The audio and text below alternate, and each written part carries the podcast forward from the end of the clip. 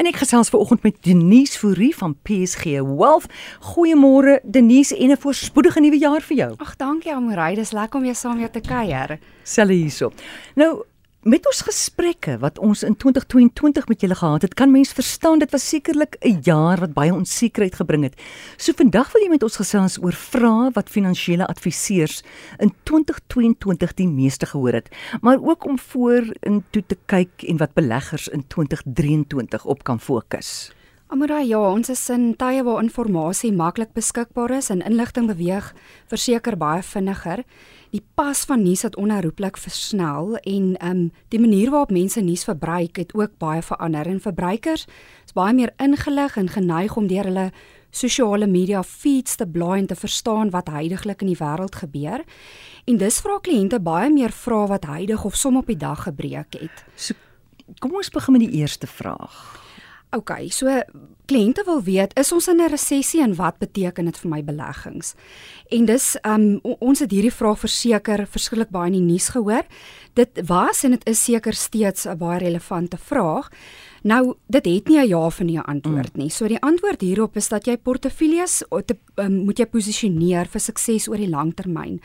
Markte beweeg en is wisselvallig en beleggers moet dit verwag van die markte. Um, maar jou bateallokasie, jou kontantvloeibehoeftes en jou tydhorison moet in ag geneem wees, dan sal jy as belegger jou doelwit bereik sonder om oor hierdie korttermyn aspekte um, om net op dit op te fokus. Jou finansiële um, planne moet herhaaldelik hersien word. Maak seker jou bateallokasie is in lyn met jou langtermyn doelwitte. Nou kliënte vra ons kyk in jou kristalbal en dan het hulle die vraag is ons op pad na 'n nare resessie. Nou dit is 'n regverdige vraag, maar dit is dit het misplaaste energie. Jy moet in plaas daarvan om 'n uh, onkenbare uitkoms uh probeer uitoorlê, moet jy eerder fokus langtermyn groeibates in 'n portefeulje wat inflasie gaan klop is baie belangrik. So kontant is nie hier jou antwoord nie. Dit voel veilig, maar jy gaan nie bo inflasie groei kry nie um, jy moet blootstelling aan aandele en die buiteland hê om groei oor die lang termyn te kry. Man, ek kan seker al raai wat die volgende vraag gaan wees en dit is wanneer is 'n goeie tyd om te belê? Ja, wanneer moet ek die mark betree, mm. nê? So dit sê ek is die miljoen dollar vraag, nê? Um, mense is bekommerd oor die dreigende resessie en stagflasie in die komende jaar en baie probeer aan om op die kantlyn te sit. Nou niemand kan die mark voorspel nie. So belê slim soek altyd goeie beleggingsgeleenthede. Moenie jou bemoei op korttermyn gevolge nie. Hoekom sal jy op korttermyn ehm, kwessies en ongerealiseerde verliese fokus wanneer jy vir die langtermyn belê? Dit is altyd die beste tyd om te belê. Onthou jou portefeulje het verskillende atlete en wat ek hiermee bedoel, jy meet nie 'n 100 meter atleet teen 'n maraton atleet nie.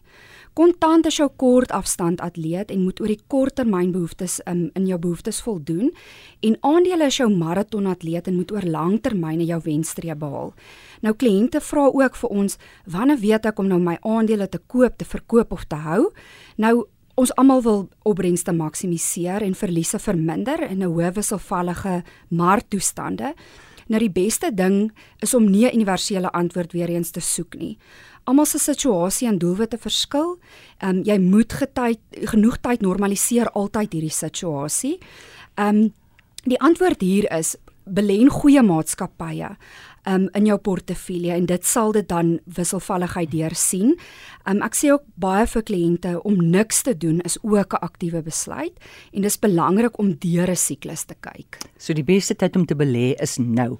Maar Denise, hoe hou ek my ore toe vir die geraas daar buite?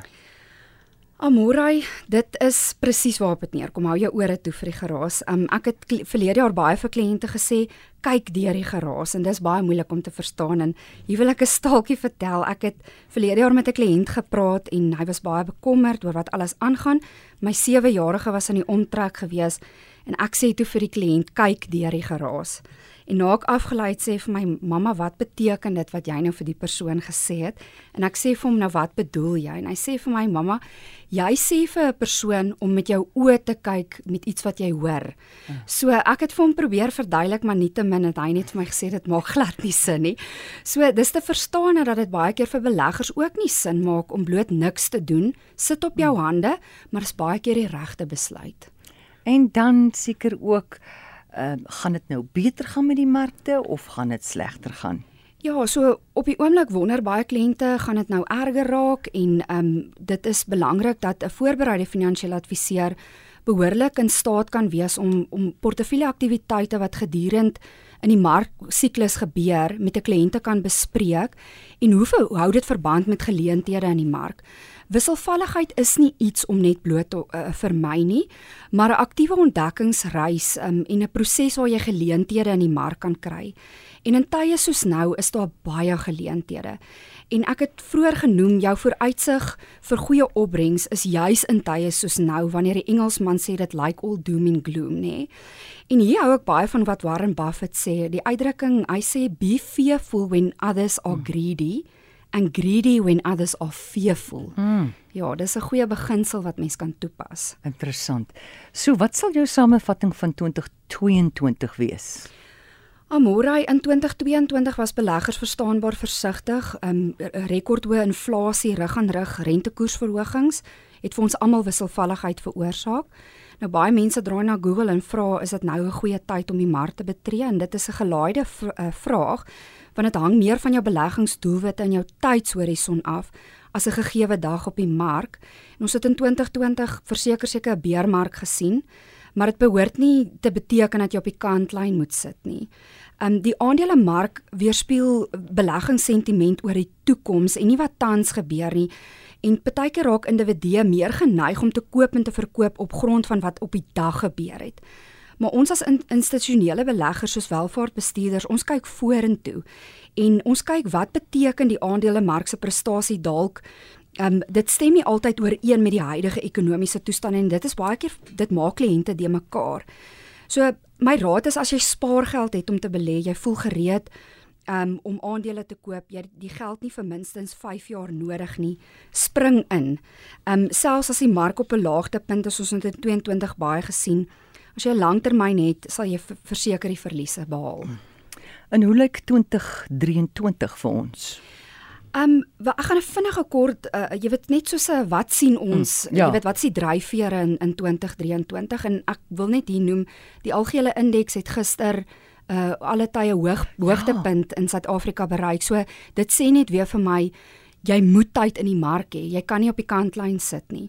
So die belangrikste dryfvere, ehm um, jy weet in met opbrengste in die FSA, ons wonder hoe ver gaan die FSA vet gaan om koerse te eskaleer want hulle het teikens daar gestel en dit lyk dat dat dat hulle dalk in 2023 in die eerste helfte weer ehm um, verhogings gaan hê. Um, en ons moet ook onthou wanneer rentekoerse so verhoog word, sien ons eers dit 6 tot 9 maande in die toekoms. So jy gaan die impak van die reeds aggressiewe rentekoersverhogings gaan jy eers in die eerste helfte van 2023 sien. Wêreldinflasie bly hardnekkig met um, Oekraïne se oorlog, die ontwrigting in die voorsieningsketTINGS en almal probeer uit die COVID era uitkom. Ehm um, maar ja, ons ons hoop om om 'n daling, 'n skerp daling in inflasie gedurende 2023 te sien. In China hoop ons dat die draak in 2023 sy ehm um, ons sal ontwaak um, waar China se regering hulle ekonomiese ehm um, hulle nou oopmaak vir die wegbreek van hulle zero COVID beleid en ons glo dit gaan 'n goeie effek op die wêreldekonomie hê. As ons na SA toe kom, die SA aandelemark baie goedkoop sedert uh, 2015 52% afgeneem teenoor ontleikende markte. En en ons sien ook hier dat jy jy jy gaan goeie opbrengste, hmm. um, jy weet in Suid-Afrikaanse mark uh, kry en ons gaan definitief baat by wat China gaan doen, ehm um, jy weet in 2023. Daar is ook 'n negatiewe kant, ons moet oplossings kry vir die kragvoorsieningssituasie en ons het nodig om meer sekerheid in ons politieke landskap te hê. Nou ek sê nooit moet al jou jou geld op een perd sit nie. Ehm um, maar dit is ons mening dat ontleikende markte in die algemeen beter as ontwikkelende markte sal vaar ehm um, met met ehm um, China se ehm um, herstel, ja. So, wat sou jy sê waarop moet beleggers en kliënte fokus hierdie jaar? Want as ek jou reg verstaan, is daar steeds baie onsekerheid en is daar dalk eh, nie 'n perfekte antwoord vir al die vrae nie. Ja, dit jy verstaan heeltemal reg, daar is nie 'n een antwoord vraag nie. Maar ek gaan nou 'n bietjie meer fokus want alles wat ek nou oor gepraat het, het jy geen beheer oor nie. Jy het nie beheer oor inflasieverhogings of rentekoersverhogings en daai goed nie.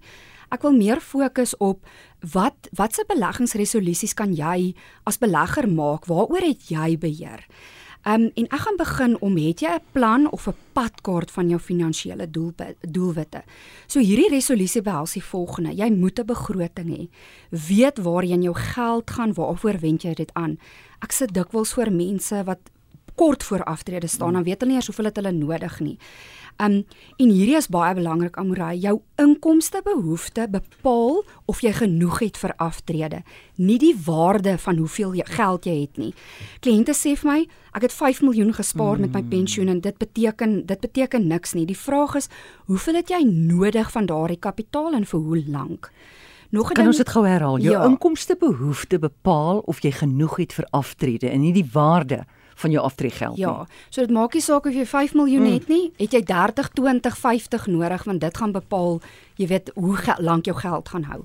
Skuld is ook uiters belangrik. Jy moet alles in jou vermoë doen om skuld minimaal te hou, skuldvry te wees as jy aftree. Weet wat jou plan is om skuld af te los. Um, ons het al hieroor ook verlede jaar gepraat, die verskil tussen jou verpligte aftreegeld en jou vrywillige spaargeld jy moet verstaan wat die verskil is, wat se rol speel elkeen in jou portefeulje. Um Amraai ons hoor dikwels um, begin vroeg spaar, jy weet spaar jou eerste salaris ensovoorts, maar ek dink baie mense wag te lank om hierdie plan agter mekaar te sit. Jy moet weet waartoe jy waarheen jy op pad is. 'n Paar jaar reeds voor aftrede moet jy 'n behoorlike kontantvloei analise doen om jou werklike posisie te bepaal. So 'n plan behels 'n kontantvloei analise wat vir ons wys hoeveel kapitaal jy het, watse inkomste behoefte jy daar het. Um, is jou geld genoeg? Om om van te lewe gedurende jou aftrede. As jy nog nooit 'n kontantvloei analise as dit nog nooit vir jou gedoen is nie, dis 'n baie kragtige uh tool mm. wat vir jou sekerheid kan gee en dit wys ook vir ons watter allocasie en diversifikasie moet daar in 'n portefeulje wees. Goed, en ek kan na jou toe gaan. Ja. om my kontantvloei analise te bepaal. Definitief, dis die heel eerste stap. Goed. So, sal jy sê diversifikasie is ook een van die resolusies? Ja, um, dit sluit so aan by 'n kontantvloei analise want jy moet ons moet eers na jou behoeftes gaan kyk en dan kan jy eers goeie bateallokasie en diversifikasie besluite neem. So verduidelik vir ons bietjie meer. OK, so diversifikasie is om aan verskillende bateklasse blootgestel te wees sodat jou portefeulje aan jou behoeftes voldoen en elke bateklas het 'n unieke bydrae wat hy lewe. So ons hoor baie keer moenie al jou eiers in een mandjie sit nie. So dis wat diversifikasie is. So ek gaan net vinnig die vier bateklasse noem want ek sit gereeld met kliënte en verduidelik hierdie. Jy het kontant eerste, dis geld in die bank of onder jou bed, nê, nee, maar dit moenie onder jou bed wees of nie. Of in jou bank. O, jy het gesê in jou ja, bank, nê? Nee. Yes. Okay. Ja. Watter bank nou? Enige die sitkamerbank. Nee, verkieslik nie. Absa Bank of Netbank, daai tipe bank, nê? Nee. Um en en ba, mense sê ook baie keer vir my ek wil rente hê, maar net kontant gee rente. Dit moet mens baie mooi verstaan. Dan kry jy tweedens effekte, die Engelse praat van bonds. Ons almal het al gehoor van SA Retail Bonds. Hier belê jy eintlik in skuld, staatsskuld, groot maatskappye se skuld. En dit is belangrik om te verstaan hoe riskant is die skuld onderliggend. Die derde een is eiendom, dit kan privaat of genoteerde eiendom wees en die uh. vierde een is aandele waarop jy op die JSE of enige ander beurs genoteerde aandele koop en al vier hierdie bateklasse kan plaaslik of in die buiteland wees. OK, verduidelik gou vir my ietsie. Jy sê jy belê in staatsskuld. Ja. En groot maatskappye se skuld. Hoe werk dit? Hoe maak ek geld daaruit? OK, dit is 'n dis eintlik 'n hele program op sy eie. Ja. Ons kan ons op 'n ander dag daaroor praat. Ons kan op 'n ander dag daaroor praat. Ons kry baie die vraag oor hoe werk okay. effekte. Ja, goed. Nou, hoe koppel jy dan die behoeftes aan die spesifieke bate? OK, so kontant en effekte, die eerste twee is meer konservatiewe bates en dit voorsien in jou korttermyn inkomste behoeftes. In eiendom en aandele is meer wisselvallige bates, dit voorsien in jou langtermyn groeibehoeftes. So ek gaan die verskil tussen kontant en aandele vir jou verduidelik. So kontant gee vir jou inkomste. Soos ek R10000 nodig het, beteken dit 12 maande in die jaar ek moet R120000 in kontant hê. Dit is hoeveel jy in kontant basies moet hê. Dis 'n bate wat in jou onmiddellike behoeftes moet voorsien. Is 'n stabiele bate, dis nie wisselvallig nie. Nou kontant laat jou lekker slaap, maar oor die lang termyn gaan kontant nie vir jou groei gee nie. So in daai onder jou bed gaan die vismotter dit opeet, nê? Okay. So ehm um, dan aandele aan die ander kant is jou lekker eetbates. Dis 'n langtermyn groeibate en is beter. Dit klop inflasie. Dis beter as kontant, maar dit het tyd nodig. Mm. Um hoe meer tyd jy het, hoe meer gaan jou groeibates moet jy aan dit blootgestel wees met ander woorde eiendom en aandele. Aandele is wisselvallig. Jy moet dit verstaan. 'n Kliënt kan nie vir jou 1 miljoen rand gee en volgende maand dink jy gaan 1.1 miljoen en jy kan dit 900 000 hê. So dis wisselvallig, maar oor langtermyn gee dit vir jou groei bo inflasie. Nou opbrengste in aandele kom ook nie in 'n reguit lyn nie, verstaan dit. Jy gaan sekere beter groeijare hê en sekere jare gaan jy nie swakker groeijare hê, maar oor langtermyn groei jou geld en jy sien die effek daarvan. So my my punt hier is fokus daarop dat jy nie die fout maak om nie aan groeibates blootgestel is omdat jy bang is vir wisselvalligheid nie. Stel jouself bloot, jy stel jouself nou net bloot aan kontant, jou geld groei nie oor 'n tydperk nie. Inflasie is hier jou grootste grootste gevaar. Okay. As jy nou net 10 jaar oor het, is 10 jaar darm uh, ek sê as by oor het bedoel ek jy wil dan na geld trek sal 10 jaar kwalifiseer vir langtermyn. Dit is definitief langtermyn okay. ja. Goed. Nou wat dink jy is dan nog belangrike resolusies vir jou finansies? OK ek ek sal hier wil byvoeg 'n proses. Watse proses gebruik jou adviseur om fondse en bateallokasie besluite te maak? Dit is so belangrik en ek dink bitter min kliënte kyk hierna Jy weet Amarai, daar's meer as 1000 effekte trustfondse hmm. net in Suid-Afrika. So hoe besluit jou adviseur watter een om ja. te gebruik, nê? Nee? Ehm verder, wanneer word hierdie besluite gemaak en wanneer word skuwe gemaak? Daar moet 'n filosofie agter dit wees. Ek hoor dikwels kliënte sê, ek het vir my adviseur gesê, skuif na die fonds of daai fonds toe. Vir my kom dit neer op dieselfde ding. Jy gaan lê op operasietafel mm. om 'n hartomleining te kry. Jy gryp die mes uit die dokter se hand uit en jy doen jou eie hartomleining. Dis waarop neerkom vir my. Ehm um, so 'n resolusie kan sal definitief vir my we, vir my wees vind uit wat is die proses wat jou adviseur gebruik. Mm. Ja. En luister vir jou adviseur. Yes. Goed, so ter afsluiting, wat is jou raad vir die komende jaar? Um Amorai beheer jou emosies mm, as beleggers. Dis moeilik. Dis dis verskriklik belangrik. As jy vertroue het jou in jou adviseur, jy het nou gekyk, hy het hierdie proses wat jy nou vertrou.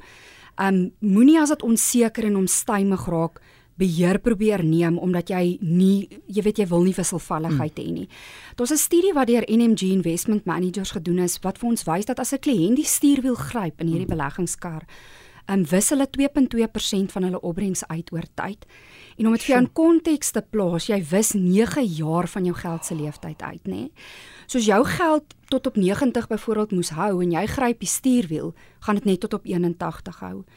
Um ter afsluiting wil ek net sê, um neem konstant die regte besluite. En hier bedoel ek nie dat jy elke keer in die beste presterende fonds moet wees nie, maar eerder dat jy konsekwent deur jou lewe moet spaar, hou vol daarmee konsekwentheid met jou leefstyl en jou uitgawes. Moenie as jy bietjie meer geld kry nou lig jy jou lewenstyl nie. As jy 'n redelike goeie lewenstyl, jy weet, maak steeds daai goeie besluite. Waaraan spandeer jy geld? Jy moet konsekwent belê, bly.